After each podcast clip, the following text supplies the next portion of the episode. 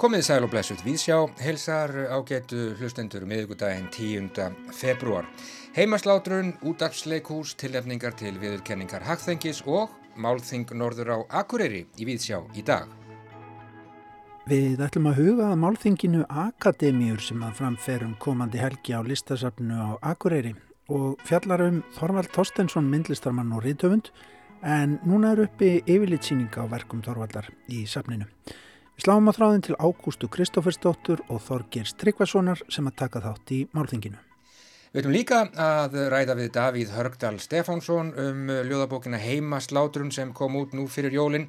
Það er meðal annars fjallað um illa meðferð á dýrum, mjög illa með mjög beinskittum hætti, ruddalegt og óheflað ramt viðbrað við ymsu samfélagslegu og personulegu sem átti sér stað fyrir rúmum 15 árum. Meirinn það í Víðsjá í dag. Ásrún Magnúsdóttir verður reyning tekinn tali um útastættina Vesele sem að útastleikursið á Ráseitt býður upp á þessa dana. En þeir eru eins konar hlustunarparti þar sem að ólíkar fjölskyldur spila tónlista einn vali og segja hlustendum sögu sína. Og við ætlum líka að greina frá tilefningum til viðurkenningar Hagþengis, félags höfundafræðirita og kennslugagna. Það verður að gera þessar tilefningar ofinberar í þessum töluðu orðum í ljósmyndasafni Reykjavíkur við greinum frá Þessu öllu saman í Víðsjá síðar í þessum þætti í dag. En hvaða tónlist segir söguna þína, hlustnandi góður? Hér eru við fluga á vegg. Þekkir þið eitthvað pólska tónlist? Mm, nei. Ekki mikið? Ég er ekkert mikið í pólskri tónlist. En þú? Ég hlusta svolítið, svolítið. Gamla rock frá Pólandi. Líka. Flott. Mér finnst það cool. Getur kannski kynna eitthvað tónlist fyrir mig? Uh, Íslenska tónlist? Eða bara almennt? já, Eins og? kannski ég syngt þér þetta hérna nýjasta lag. Sem heitir? Rólegur kúreki. Er þetta íslensk lag? Já. Hver syngur þetta? Bríett. Ha? Bríett. Bríett. Ok. Hver er hún? Er þetta hún eða hann? Hún. Ok. Ætlaði að spila hana? Víðsjá bendir hlustendum endrum og eins með glöðu geði á eitthvað því forvittnilega efni sem er í bóði hér á Dasgrá Rásar 1 enda oft full ástæða til að benda á frambóðið hér á bæ. Þar er útvarsleikursið oftar en ekki fremst í flokki en síðan í janúar lok hefur það ágæta leikurs bóðið upp á, á lögardögum þáttaröð sem heitir Vesele. Það er upprópunamerki á eftir orðinu en þar er á ferðinni samstagsverkefni útvarsleikursins og listaháttíðar í Reykjavík Þættirnir eru fimm talsins, tveir voru á dagskrá lögadagana 30. janúar og núna síðasta lögadag 7. februar. Þeir eru vitanlega aðgengilegir inn á spilararúf. Og næstu þrýr þættir verða síðan á dagskrá rásarinnar einu sönnum á lögadögum klukkan 14.05. Þáttaröðin er undanfari og upptaktur samnefns viðburðar sem verður á dagskrá listaháttíðar í Reykjavík með hækkandi sól og fleiri bólusetningum. Jú, það er munu víst koma.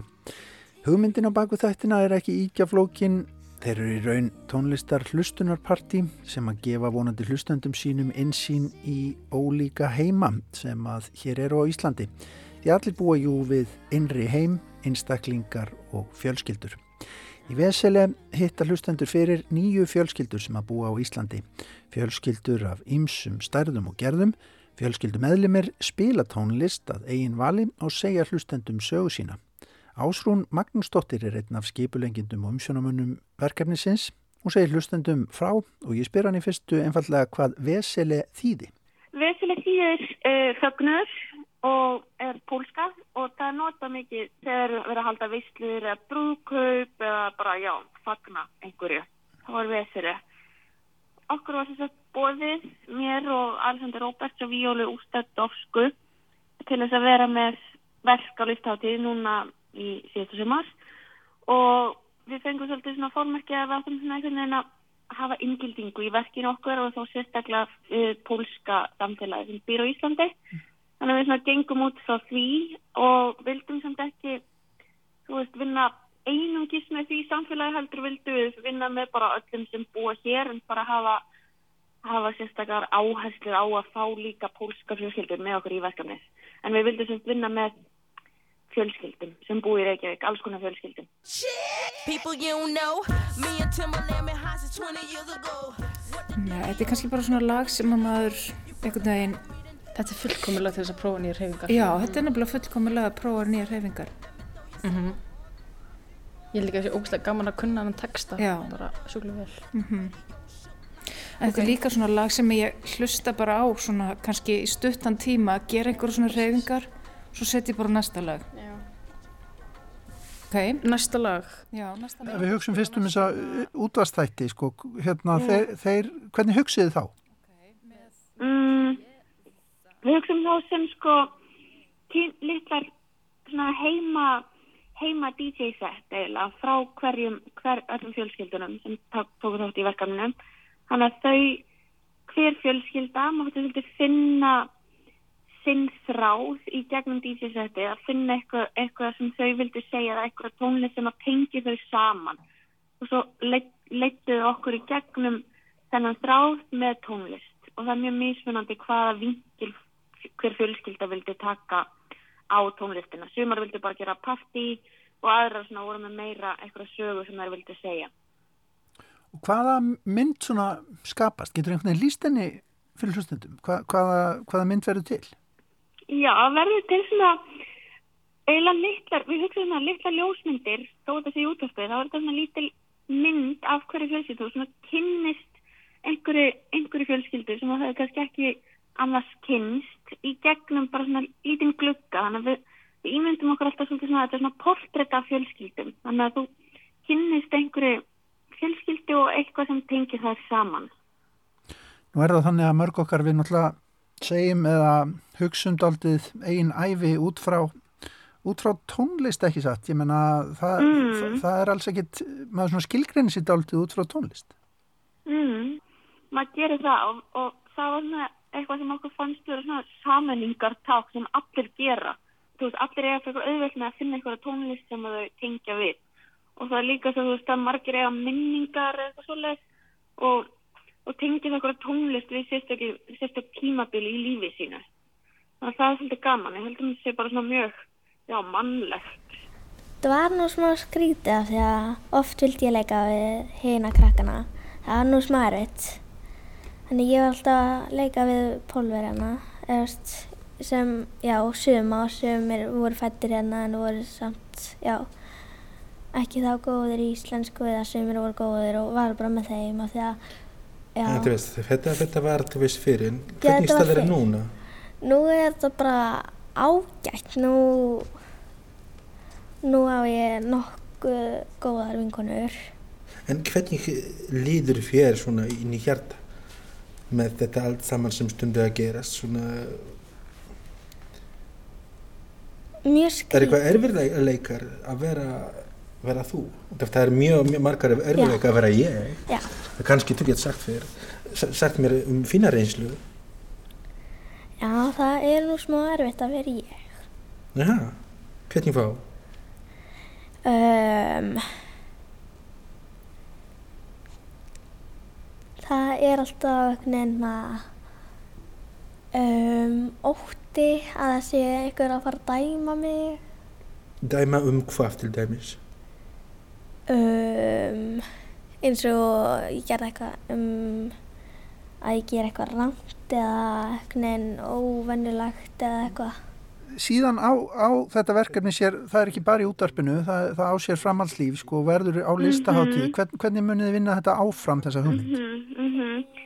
Sko, lista á því þá sem sagt verður, þetta er núna í vesuleg útastverkinu, þá eru aðeins færri fjölskyldur sem tóku þátt en á lista á því þá eru aðeins fleiri fjölskyldur og þá verður þetta sem sagt lifandi viðburður, ég krossa fingur og þá verður þetta 12 klukkutíma fögnuður eða 12 klukkutíma vesuleg og það sem bara gestur og gangandi geta komið inn og, og sest niður og þá er, eru fjölskyldunar að performa sitt DJ-sett, þannig að þá er þetta eins og bara lifandi útvarp og sumar fjölskyldur eru með þess að líka með, vildu þú veist, bjóðu eitthvað mat með sínu setti eða vilja dansa, vera með eitthvað svona líka síningu með sínu setti þannig að þá er þetta svona aðeins fleiri leirar sem bætast og ná DJ settið og þá getur þú bara komið hvernig sem er um daginn eða kvöldi og, og, og kynst eitthvað fjölskyldum sem hér býr.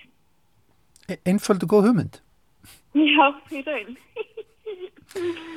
Sko, ef ég spyrði bara svona hvað hvað hefur þetta svona sínt hér? Menna, þetta lítur að opna heima og, og, og mm, þetta svona lítur að vekja mann til umhugsunar, ekki satt, um bara hvert, hvernig Íslands samfélagi er. Já, þetta nefnilega hefur gert það og það er bara, þú veist, sem maður veit auðvitað, hér býr alls konar fólk en það er miklu skemmtilega að fá að kynnast í í alvörinu og eins og síðasta sumar við bara eittum öllu sumrinu að keira þess að krössum Reykjavík og, og fara í heimsóknir til alls konar fólk sem býr hér, einhvern veginn. Það er bara mjög gaman að kynnast öðruvísi fólki sem að öðruvísi en, en við sjálf, um, eitthvað fólk með bara annan bakgrunn og, og það sem að svona kendi mér líka svolítið að svona sem er það vera svolítið magnað er að hvað í raun samt við erum öll lík. Við vorum öll bara frekar eins. Tónlistin var svona, þú veist, kannski ólík á milli heimila en, en það var alltaf svona svipuð stemming hvert sem við fórum. Hvernig tók fólk í þessa hugmynd? Ég meina, þið hafið þurft örgulega aðeins að útskýra mál ykkar. Já, algjörlega við þurftum svolítið að útskýra mál okkur og við skiptum svolítið á að, að syngi fólk til þess að selja hugmyndina en allir tóku bara mjög vel í að stundum, þú veist, vildi ekki kannski allir, vilja ekki allir fjölskyldumælumir koma fram en þau vildi hitta okkur og síðan kannski alltaf tveir þau frökkustu í hverju fjölskyldu að, að flytja, flytja viðbörðin en allir voru alltaf mjög bara gladir að hitta okkur og allir hafa svo, mörgu að segja þannig að það var mjög auðvelt að, byrja að tala við fólk, allir gáttu tekið mjög sterkan þátt í því, þannig að það var mjög gaman. Já, við Benni sungum alltaf fyrir Ronja að hún fór að sofa þegar hún var lítill. Og eitt af þeim lögum sem var alltaf sungið var Dvel ég í draumahöll úr dýrónum í hálsaskói. Ég man ennþá eftir því. Svo, já, svo hefur líka sagt mér að það hafi verið sungið í jarðaförinu hans pappa 2007. Dvel ég í drauma höll og dagana lofa Littlar mísum löndin öll liggja nú og sofa Sígur ró á djúp og dal dýr til hvílu ganga Einnig sopna skolli skal með skottið undir vanga. Fannst þér þetta ekki falleg vísa?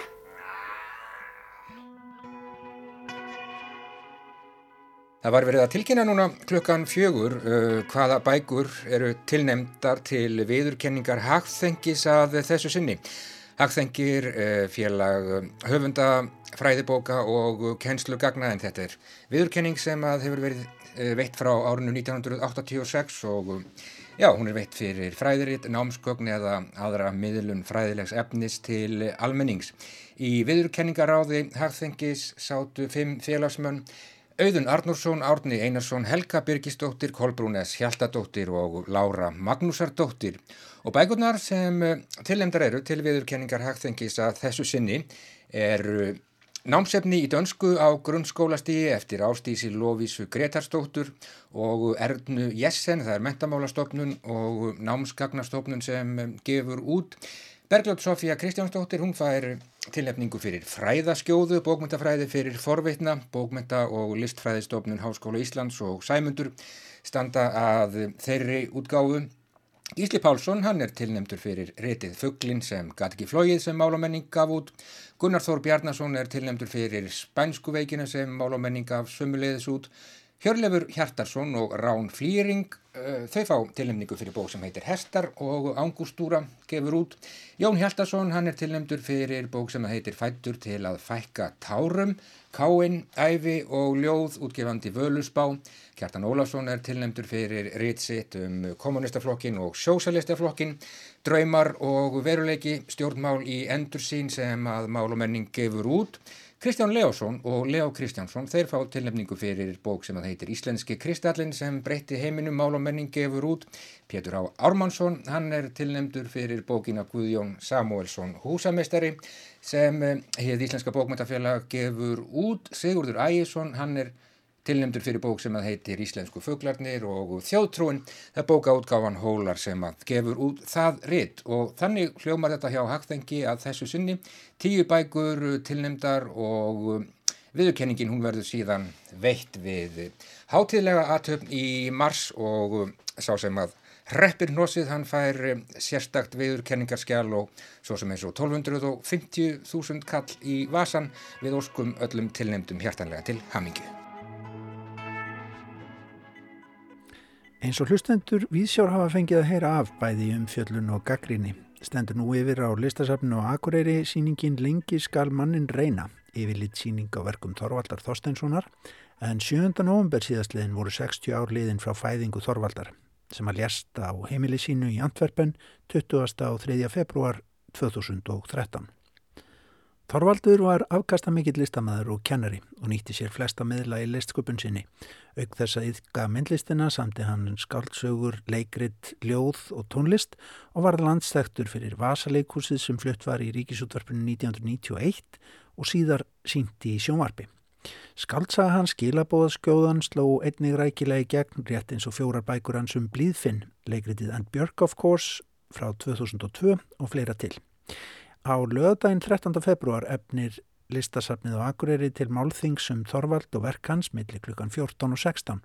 Þingi verður öllum opið, haldið í sal á safninu en einnig verður hægt að fylgjast með á Zoom og lítið málað nálgast hlekk á heimasíðu sapsins listag.is.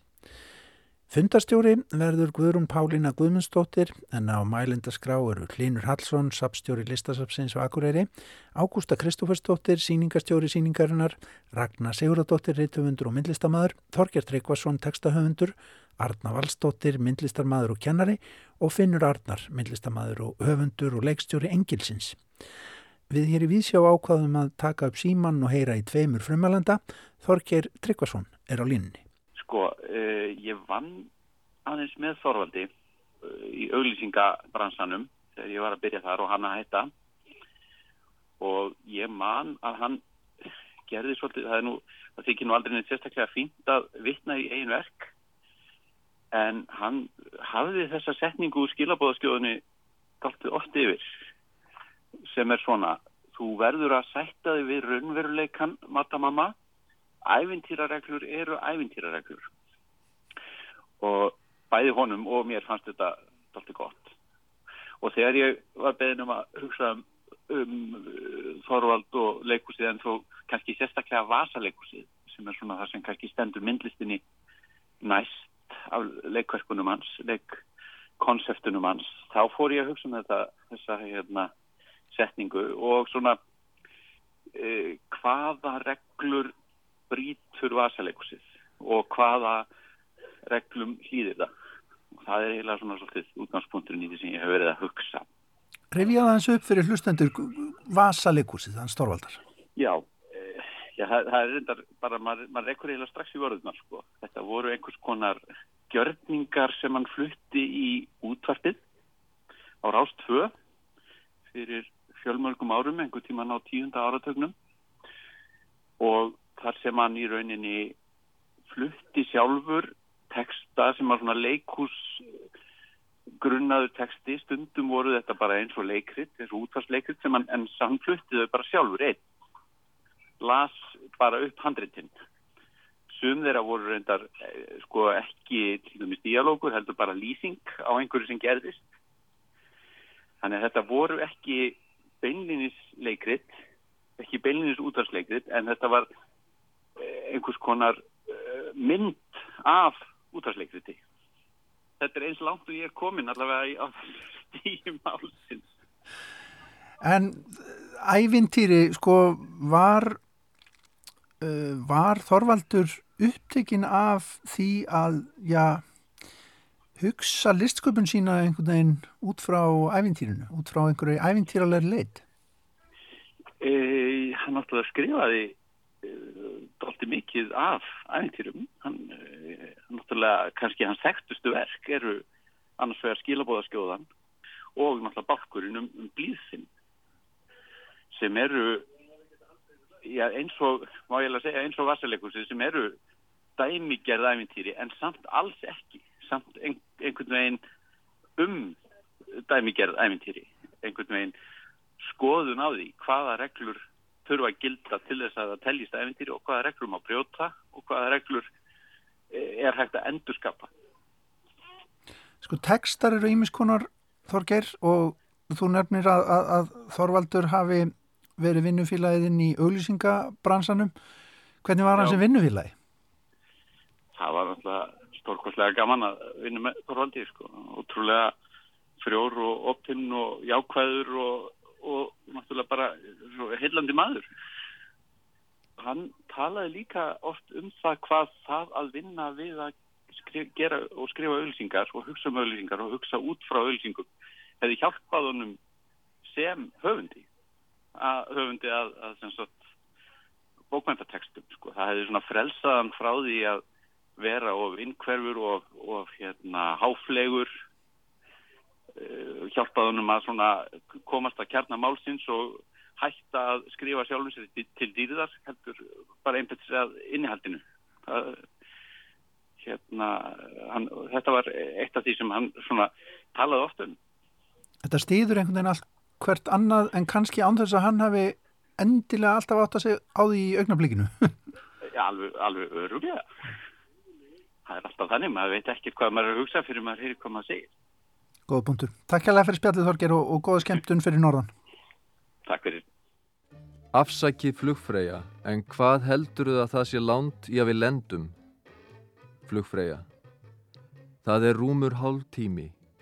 Flugstjórin sagði mér að við yrðum töluvert á eftir áætlun vegna mikils mótvinds. Farþegi. Ég er þá að hugsa um að reyna að sopna og sofa þanga til við lendum. Flugfreyja. Já, sofðu og kvíldu þig fyrir lendinguna. Ég er vissum að það hefur góð áhrif á hina farþegana og raunar ekki síður á okkur flugfreyjurnar. Farþegi. Það gleðu mig að heyra að ég geti orðið að einhverju liði hér í flugvélinni. Flugfreyju starfið hlýtur að vera mjög krefjandi, ekki síst í mótvindi eins og í dag. Flugfreyja. Þetta er mjög erfitt starf, jamt í meðvindi sem mótvindi. En það er einmitt þess vegna sem ég valdi það. Erfiðleikar þroskamann. Farþegi. Þú ert ekki eins og hinar flugfreyjurnar. Ekki það að ég hafi nokkuð út á þær að setja, en ég tók eftir þér strax og ég kom inn í flugvélina. Þú ert öðru vísi. Þú skilur okkur farþegana, rétt eins og þú værir ein af okkur, en samt gætur þú ekki verið ein af okkur, því þá værir þú ekki flugfreyja lengur. Flugfreyja. Ég skil farþegana. Ég skil líka flugfreyjurnar og flugstjóran.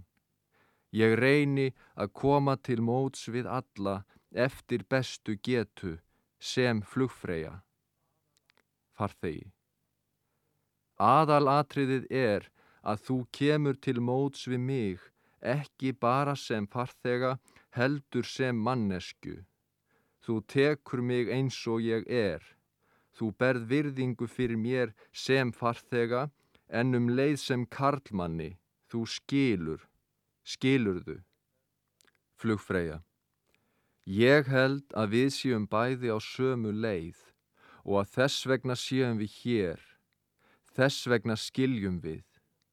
Og hver veit nema þessi fundur okkar sé ein ástæðan fyrir því að ég valdi þetta starf, fyrir utan það að ég hef alltaf haft áhuga á útivist og ferðalögum. Farþegi. Ég man alltaf eftir þér í keppninni. Ég man best eftir þér, þó að þú kæmist ekki einu sinni í úrslit. Flugfreyja. Það var sýstir mín. Okkur er yðurlega rugglað saman og það er ekkert óeðlilegt. Ég ruggla ykkur farþegunum oft saman líka. Farþegi. Farðu ekki frá mér. Vertu hjá mér þanga til ég er sopnaður. Flugfreyja. Ég er hjá þér. Ég er flugfreyja. Já, alltaf gott að vera með góða flugfreyju, örlítil nasasjón úr Vasalíkusi Þorvaldar Þorstenssonar. En við erum búin að taka aftur upp síman og ringja í Ágústu Kristófisdóttur. Þú kallar erindið þetta nokkuð stóru nafni Ágústa manneskja sem kemur á málþingu en með fyrsta erindi á eftir áarpi sapstjóra og er með þessa yfirskrift. Ég er með mikilvæg skilabóð, getur að sett mig inn í þau? Já, það er hérna stór spurning. Sko, ég ætti tala um hann Þorvald Þorstensson uh, og hann var með svo mikilvæg skilabóð og ég ætla að endurflytja eða reyna að endurflytja einhvers brotabrót af þeim skilabóðum sem að hann var með til okkar. Hver voru þau? Ertu búin að, ertu búin að kjarn, ná að kjarna það niður? Nei, ég held það nú ekki, sko, en þú sér það að þeir sem lesa yfir dagskrána og sjá hvað erindin heita að þá eru kannski skilabóðin svolítið í því að hann hvart okkur til þess að taka vald yfir okkar eigin lífu og löngunum og leika okkur og, og hérna uh, vera óhætt en samt um leiði smáhætt. Þorvaldur var einhvern veginn þannig að þegar hann tók til máls þá, þá hlustaði maður, ekki satt? Jú, sko, ég verð nú að segja, við kynntum Þorvaldur ágætlega og, og hérna, og hann er svona næst í sem að ég kemst að hafa eignast einhvers konar gúru í mínu lífi. En maður hafði tilneingu til þess að setja svona krosslega fættur og, og hlusta á hann tala. Af því að bæði var hann uh, röttindálegandi en skilabóðin líka bara svo mikilvæg og hann, hann svona hafði lag á því einhvern veginn að fá mann til þess að lifta svolítið augnaráðan og andanum upp í aðrar hæðir en maður er kannski vanur að vera á svona dagstæðilega.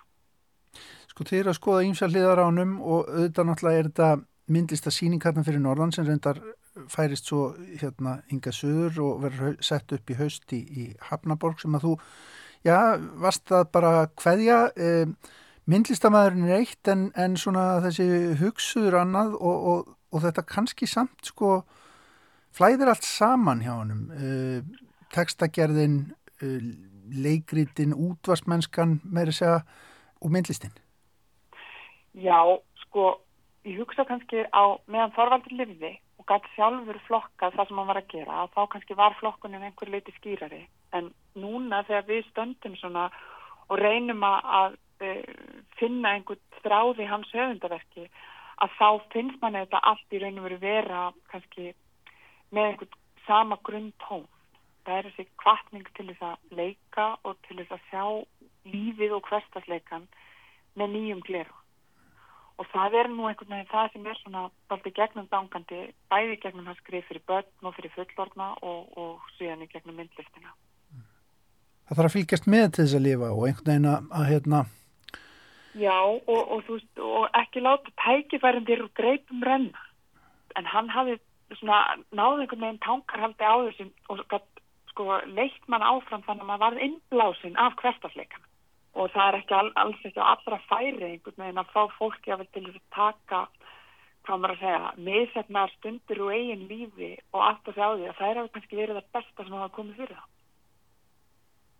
En svo Þorvaldur var gætna að segja, sko, það er aldrei á sent að gefa stuð. sem er aldrei góð punktur. Já, sko, sem er náttúrulega bara mjög hérna, gott að maður er svona eins og við erum öll, daldi eins og hamstra í hjóli, sko, stundum þarf maður bara að hoppa af og gera eitthvað annað og hugsa hlutin upp á nýtt og, og hann hafi, hafi leiðir til þess að hjálpa manni til að gera það og hvetja mann til þess að sjá lífi svolítið í, í öðrum, öðrum bjarma, sko. Og hérna, ég held að við öll sem eigum eftir að tala á lögadagin, að við eigum eftir að tala daldi um þetta um það hvernig hann svona einhvern veginn fekk mann til þess að, að sjá heiminn og, og hverstarlegi í svona í gegnum aðra linsu en venjulega. Saði Ágústa Kristófersdóttir. Hér er Þorvaldur Þorstensson í viðtali við Lísu Pálsdóttur í þættinum Kveikjan frá því í janúar 2013, aðeins tæpum mánuði áður en hann lést. Ég, ég hef aldrei fundið þennan eina sanna mig í, í, í neinu einu sko. Nei. og þannig að þessuna eðlimálsins samkvæmt eru áhrifavaldanir gríðalega margir og, og allir kannski ja, mikilvægir þegar uppi staðið en, en, en eh, ég hef nú flaggað mest svona til að byrja með allavega svo við tökum þetta einhverju röð sko. uh, móðuminni sem að hafði gríðalega áhrif á mig svo sem eins og eðlilegt er því að hún var alltaf til staðar og, og, og var í rauninni svo sem að hafði vakandi aðtegli með mínum uppvöxti umfram aðra. Og en svona bursið frá góðum síðum og hérna kurteysi sem er nú akkurýringum mjög í blóðbórin sko og standa sér vel og allt það þá hafði hún kannski svo mikilvæg áhrif hvað varðaði sagt, listina í í til dæmis sinni sagnamennsku. Hún, hún, hafði, hún, hún í rauninni varð svona fyrirmynd í, sagnamennsku fyrir mig. Vegna þess að hún let sér ekki næja að, að, að segja frá heldur lekun gerðnan mjög svona snirtilega með með smá breyttir rödd og breyttir holningu og svona. Og ég ger mikið grein fyrir, fyrir löngu setna að hún hafði í rauninni kannski meiri nokkur annar til áhrif á það að ég Uh, já, upplifið það að eiga auðvelt með að skrifa samtöl og eintöl í leikritum. Já. ég var einhvern veginn að spurðu bara beint út hvernig stendur á því að þú voru stega svona auðvelt með að skrifa samtöl eða, eða eintal upp úr einsmanns hljóði? Og þegar ég fór að skoða þá var ég þá varð móðum ég fyrir mér sko því að hún, hún hérna var, hún, hún livði fyrir sögur Það vildi svo til að þegar hún kom heim eftir langan vinnudag í Borgabí og Akveri þar sem hún var miðarsfjölu drotning í 31 árs að þá hérna var, var pappi minn yfirlega sopnaður og ég ef að þessi ár sem ég var heima, sérstaklega í skakfræðarskóla og mentaskóla þá, þá var ég vakandi og og var svona, já, getur kallast fórnalambið sko, ég fekk að heyra hvað var að gerast í já. bænum, hverju voru í röðinni hvernig báru sér að og hvernig menn orðuðu það að fá miða, kannski á danska klámynd og svona hvernig, hvernig þeir komur sér fram hjá því að segjast að kaupa fyrir sjálfa sig og allt þetta já. þannig að þarna, lág gríðarlega mikil svona reynsla á bakvið þegar ég kem síðan hérna söður og fyrir myndlist og fyrst í íslensku svo myndlist og fer svo að burðast við að skrifa sko þá, þá var, voru hæg heima tökinn sko. Vast hugar þins fóstur svo fyrna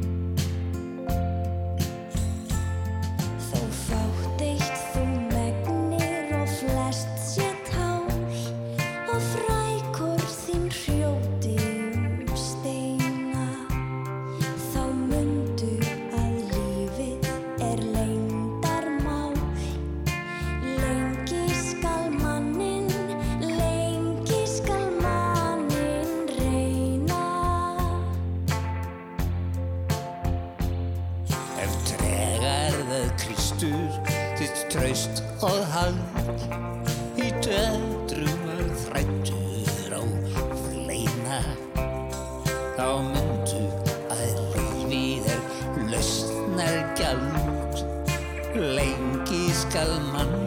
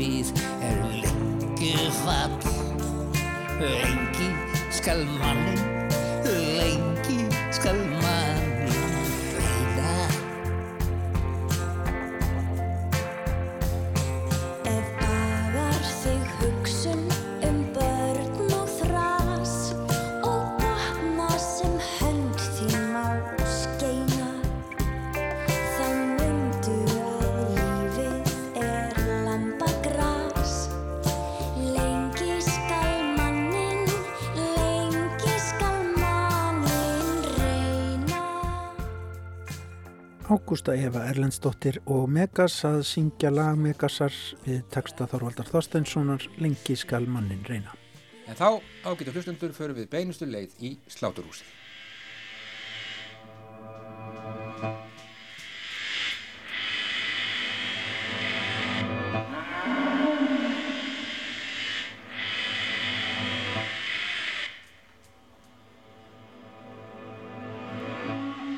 Nú fyrir jólinn kom út uh, bók, uh, ljóðabók sem að heitir Heima slátrun.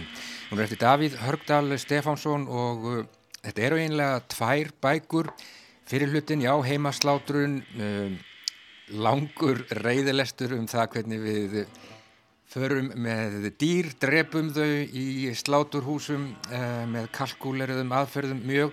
Senni hlutin heitir Vögguvísur og Kreftir hnefar og þar er, þar er Davíð nú aðeins aðeins róleiri Davíð, þetta er bók sem á rætur að rekja aldrei aftur í tíman, þú ert að skrifa þetta hvað, 2004, 2005 þetta er svona í skugga þessara atbörða sem eruðu þá skömmu fyrir falltvíburaturna og Íraksstríð og, og sjálfur segistur í eftirmála ver, hafa verið í dálitli krísu en þessi bók er, já, þetta er eiginlega reyðilestur um það hvernig við, hvernig við förum með förum með skeppnur og ég held að þetta sé nú bara reyðasta ljóðabók sem ég hef lesið í lang, langan tíma. Já, það er áhugaverð lýsing og ég er svo sem ekki tiss á því. Ég, ég var, þú veist, það er kannski ástæði fyrir því að ég beð svona lengi með að gefa hann út. Mm -hmm. uh, þú veist, ég ætlaði svo sem alveg að gefa hann út hann í kringum 2006-07 svo bara gerist ímislegt og maður kannski feita svolítið út og, og, og inn og út úr fasa Já. svona þegar maður er að díla við einhvers konar uh, aðtiklisbrest hvort sem hann er áunin eða meðfættur mm -hmm. að, hérna, þá koma hlutur að fara en, en þessi, þetta handrið það let mér aldrei í friði eins og stundum er og bara þetta orð heima slátrun sko, og ég fekk það algjörlega á heilan sko. það er svo gildir hlaðið sko, og hérna upprunlega var var þetta handrit, það, það, það löst mig bara eins og þruma, sko, mm. bara á gangi, sem sagt, og svona upphafið á þessu randi og upprunlega var þetta ekki reyðilegstur um dýr, sko, en meira svona einhver persónuleg úrvinnsla á einhverju, þú veist, einhverjum sprengingum einra með mér, gagvart einhverju fólki út í bæ og svona, mm -hmm. þannig að það er ástæðan fyrir þetta svona kannski persónulegt og þegar ég lesi þetta eftir á þá náttúrulega er þetta þú veist, eins og oft er með, mestu mig frekar en einhver aðra sko. Úrbeining mannlegar tilveru, segir þú? Já, kannski bara úrbeining sjálfsmín sko, sem oft er nöðsynlega og, og, og tímabær sko.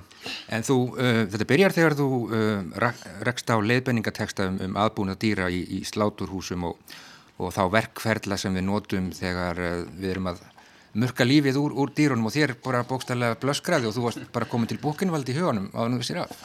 Já, það er sko að því að þú veist, þessi bók hefur kannski réttilega verið kölluð einhvers konar hérna, vegan eh, yfirlýsing og manifest og eitthvað en, en og það var ekki fyrir en löngu setna semst fyrir þremur árum sem ég hætti að borða kjött og, og dýri afurðir þannig að það er setjum tíma viðbót þannig séð en ég man þegar ég rakst á þessa texta, ég var nú bara á einhverju googli hérna fyrir mörgum árum, rakst á þessa bara ofisjál leiðbynningateksta á bondi.is og landbúnaður.is og eitthvað svona. Og sem það... þú geipir upp í, í þína bók.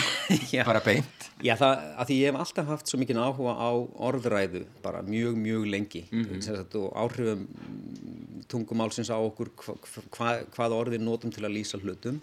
Þannig að það hefur alltaf verið svona mín stærsta þráhíkja á, á, á góðan hátt. Þannig að þegar ég sá þessa teksta og þetta verður svo sláandi sko, að, að þá þegar maður sér hvað sagt, slátrun dýra og, og hérna er skipilöðu út pælt Já, sko. allt kalkulerað Já, þetta er náttúrulega bara yðnaður sko. mm -hmm. og, og auðvitað vilja menn sem eru að slátra dýrum gera það á sem hagkamastan hátt og, og svona og einhverju leiti venda dýrin fyrir óþára streitu og þá, hver, þú veist, bara orðin svo streitu kjöt sem að sko þú veist, slátrarinn vill í grunninn vill hann ekki valda dýrunum óþarfa sásuga Nei. og það er göfugt en þetta snýst samt líka um gæði sko. þannig að þú veist, þú ert að passa að dýri verði ekki ofrætt mm -hmm. því að þá skemmist kjötið ja. þannig að uh, einhvern veginn satt þetta alltaf í mér og kannski, kannski eftir á skýring, kannski þú veist leitið til þess að ég varð svo vegan skilur tíu árum setna, ég veit ekki en já, þannig að þetta mm, ég hef líka lengi haft sko áhuga á sko þessum óskráður reglum sem að kannski stýra hegðunin okkar sko, þessi læriða hegðun Mhm. sem er auðvitað bara út um allt og skilgreinir og margt að því sem við gerum, gamlar hefðir og fyrir mér er sagt afstæðan til afstæðan margra til þessara mála uh, sagt þessi kjöt þessi hérna, leitun í kjöt og kannski margir fari í vörn sko þegar að vera að tala um veganism alveg bara vilja venda sitt kjöt sko því að þetta er það sem held í okkur lífinu og alveg bara hana. mér finnst mjög áhugavert að skoða þetta og, og hérna þannig að sko já það eru mjög margir vinklar í bara þessari kjöt versus veganismi hérna baróttu eða svona þessum pælingum sem að kveikja mikinn áhuga hjá mér. Og, og það snýst um mannlegt, mannlegt eðli hvernig við virkum sko.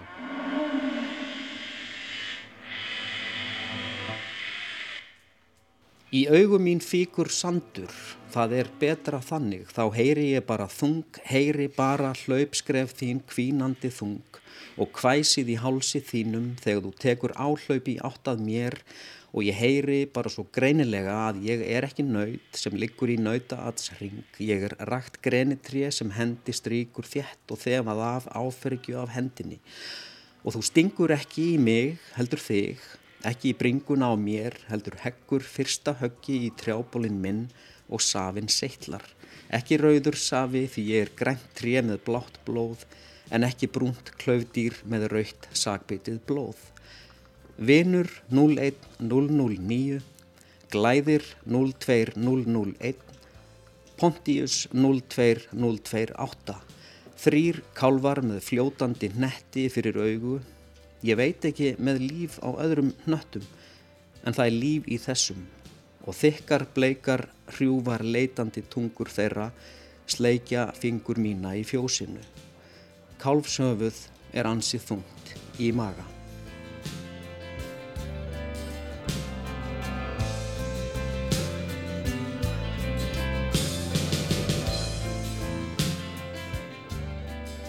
Sko, þú ert með mjög svona brútal og nötulegar lýsingar í, í fyrirlutunum heima slátrun og þú ert með ég þarna eru orð sem að eh, sjást nú yfirlt ekki í, í ljóðabókum, þú ert nú með þarna heila opnu með orðskýringum og þetta er ekki fallegt, banaboks, rými í bana, klefa, slátur, húsa sem notað er til að skorða sláturdýr af, eitt í senn tryggir örugari aflífun, bana klefi, rými í sláturhúsum þar sem aflífun sláturdýra fer fram, deyðing að drepa dýr til dæmis með pinnabissu, stjarfi, dýr fer í stjarfa við raflost, það er fyrra stig. Deyfingar, stendur í um það byrj 12 sekundur og svo framvis og svo framvis. Já, já, ég leiði mér að taka þarna bara orður í ett, hérna, þetta er ekki eitthvað sem ég bý til eða skrifa, þetta Nei. er bara það sem er inn í þessum bransa Já. og einn vingillin er sá sko að, að ég trúi því að, að fólk sé almennt í eðli sínu gott í grunninn og með góða siðfyrirskend og Já. maður sér það oft þegar mm, til dæmis berast fregnir af því að einhver einstaklingur hafi komið ítla fram við hund til dæmis uh, eða á hundabúum eða slæm, uh, hérna, slæmur aðbúnaðar hesta að þá sko fólk rýs mjög rætt upp á afturlöfnar og fordæmir sko og fyllist mikið til sorg yfir semst, hvernig er farið með blessu dýrin. Og, og þú veist þannig að fólk almennt er með þetta innbyggt í sér sko að vita hérna að dýr eru eitthvað þau, þau hafa einhvers konar tilvist Mhm. og okkur ber að passa það. Nema þú veist, sama fólk og almennt þú veist, það stekkur samtali út í búið að kaupi kjúkling og svín og, og svona og, og almennt held ég að flestir viti alveg að aðbúnaðar þessara dýra er algjörlega ömurlegur sko. uh, þannig að og þá kemur að þessu með mannlega eðlið sko, að það er eitthvað í samfélaginu sem er búið að byggjast upp sem gerir okkur klift að bú, búa til þennan dualisma sko. Mhm. þannig að söm dýr viljum við venda og, og þú veist ef við færum hinn út á götu og skólauguristignum eftir og við sæum mann sparki hund og mistýrum honum við myndum báðir algjörlega brjálast og, og stökkva eini og stoppa þetta rugl sko.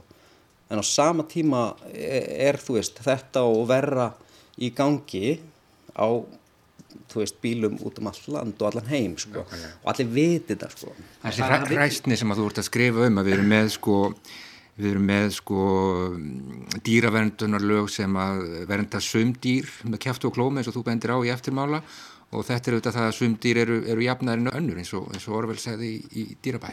Já, og ég, þú veist, ég reyna að tala um þetta, reyni að tala um þetta á þess að vera að fordæma fólk, skiljur, ég, þú veist, ég vil ekkit vera hérna í þessu og líka bara þegar ég er að spjalla um þetta maður og mann, sko, ég vil ekki horfa í augunum fólki sem þú, þú ert fáviti fyrir að borða dýr, sko, en ég er bara mjög áhuga samar um einmitt þessa hræstni, þetta er sko tvöfældni sem er bara lærð, veist, við bara erum búin að læra það í gegnum aldirnar að, að söm dýr eru þú veist, hundar og hestar og þú veist, kettir, við borðum þetta ekki og við komum vel fram með þessi dýr almennt, önnur dýr uh, eru vara sko, eru Já, bara, eru matur mm -hmm. og, og þegar maður sko fer inn í þessa pælingu og kannski fattar aðeins hérna hvað þetta er skemmtilega brenglað að þá, það er erfitt að fara tilbaka sko, það er, þú veist, eins og þegar þú gerist vegan á þessum fórsendum fyrir dýrin að þá, þá hérna, er erfitt að fara tilbaka. Já. og mitt svona hérna, turning point, eins og ég held ég lýsi í eftirmálunum, var þegar ég þurfti að hugga mjög fallegan svartan labrador kvól og hann var bara mjög skeldur og ég svona var einn og bara ég þurfti bara að taka utanum hann og horfi í augun á hann og, og ráa niður. Og, og þá fattaði ég þegar ég horfið í augun á hann að, að þetta voru sömu augu innan gæsalappa, sömu augu og í, í, í kúnum í sveitinni að því ég er líka alveg hluta til upp í sveit sem ég þótti vandum, þetta eru sömu augu og, og þá kvarf þessi dualismi skilur, ja. þessi, þessi skil að, hérna, og þá vil maður ekkert lengur valda neinu dýri sem hefur einhvers konar upplifun og tilvist og tilveru mm -hmm. sársöka ja.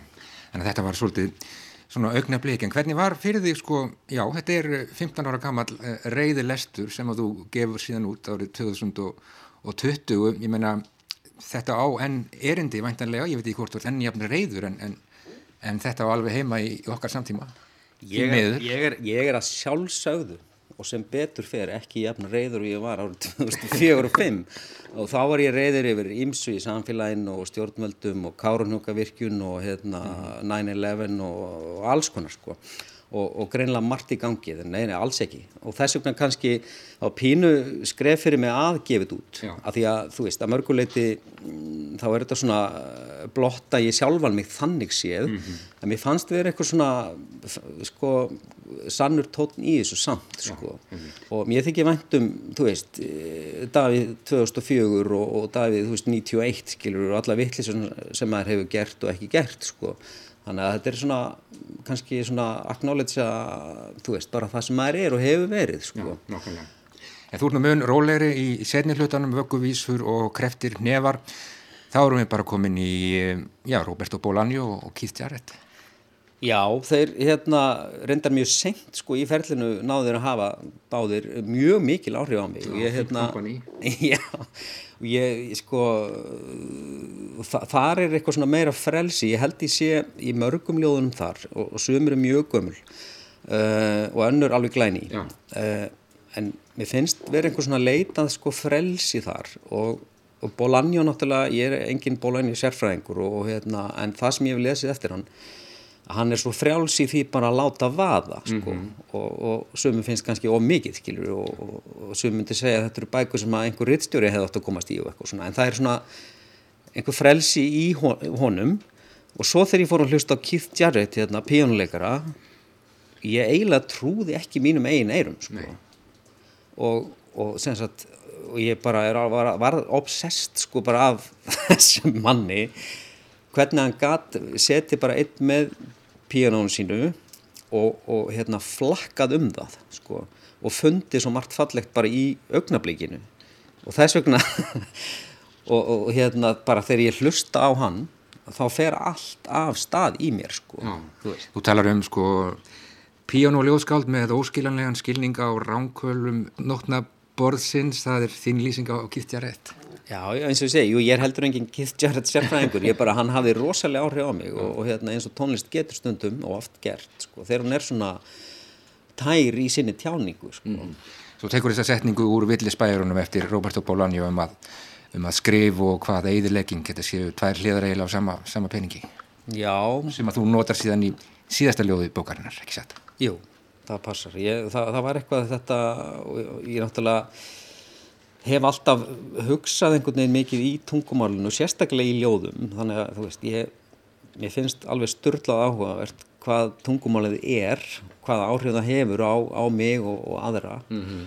og, og hérna, einmitt, þetta með, með skrif og eðileggingu sko, og hérna, þannig að maður, maður er, þegar maður, kannski þegar maður skrifar eh, að, að skapa eitthvað, setja einhvern veginn á blað, og, en maður er kannski að eigða því einhverju leiti út úr hausnum á sér í leiðinni, Nákvæmlega. Sem er mjög gott mm -hmm. uh, og þá verður til einhvers konar úrvinnsla sko. Já,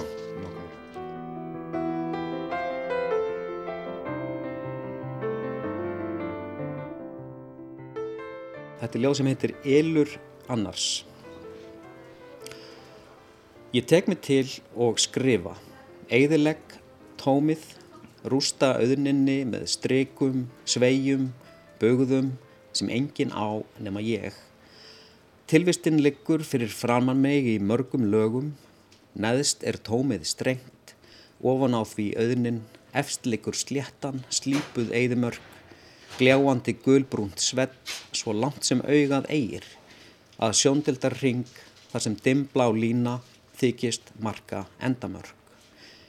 Við eigum heima hérna, við sem reynum að fylla skí af buksum, reynum að fela hið augljósa í orða þóku, reynum að fiska hið sleipa út úr annari þóku. Hástafir, lágstafir, punktar, kommur, allt liggur á sleipri sléttunni, gravkyrt, ekkert blaktir, hér er logn og við verðum að komast út úr því. Og ég ætla að lesa hérna að loka hnikkin á samanljóði. Að skrifa er að rústa, lima í sundur, afbyggja sjálfan sig, tróða sér inn í kima bókstafa og reyna að fela sig nógu vel, til að enginn verði manns var, til að aðeins sjáist í bókstafin, orðið, setninguna og málsgreinina, til að aðeins sjáist í meininguna sem stafar frá mér þarna djúft inn á milli. Strekin, svegjurnar, böðurnar geta aldrei verið hlutlausar. Þær geima ávalt fingraförin, geima ávalt svitan og ylinn frá þeim sem dregur til stafs. Að lesa er að finna lyktina, fara inn í bókstafina, dvelja þar í yl annars, liggja kinn við kinn, liggja bringa við bringu og horfast í augu.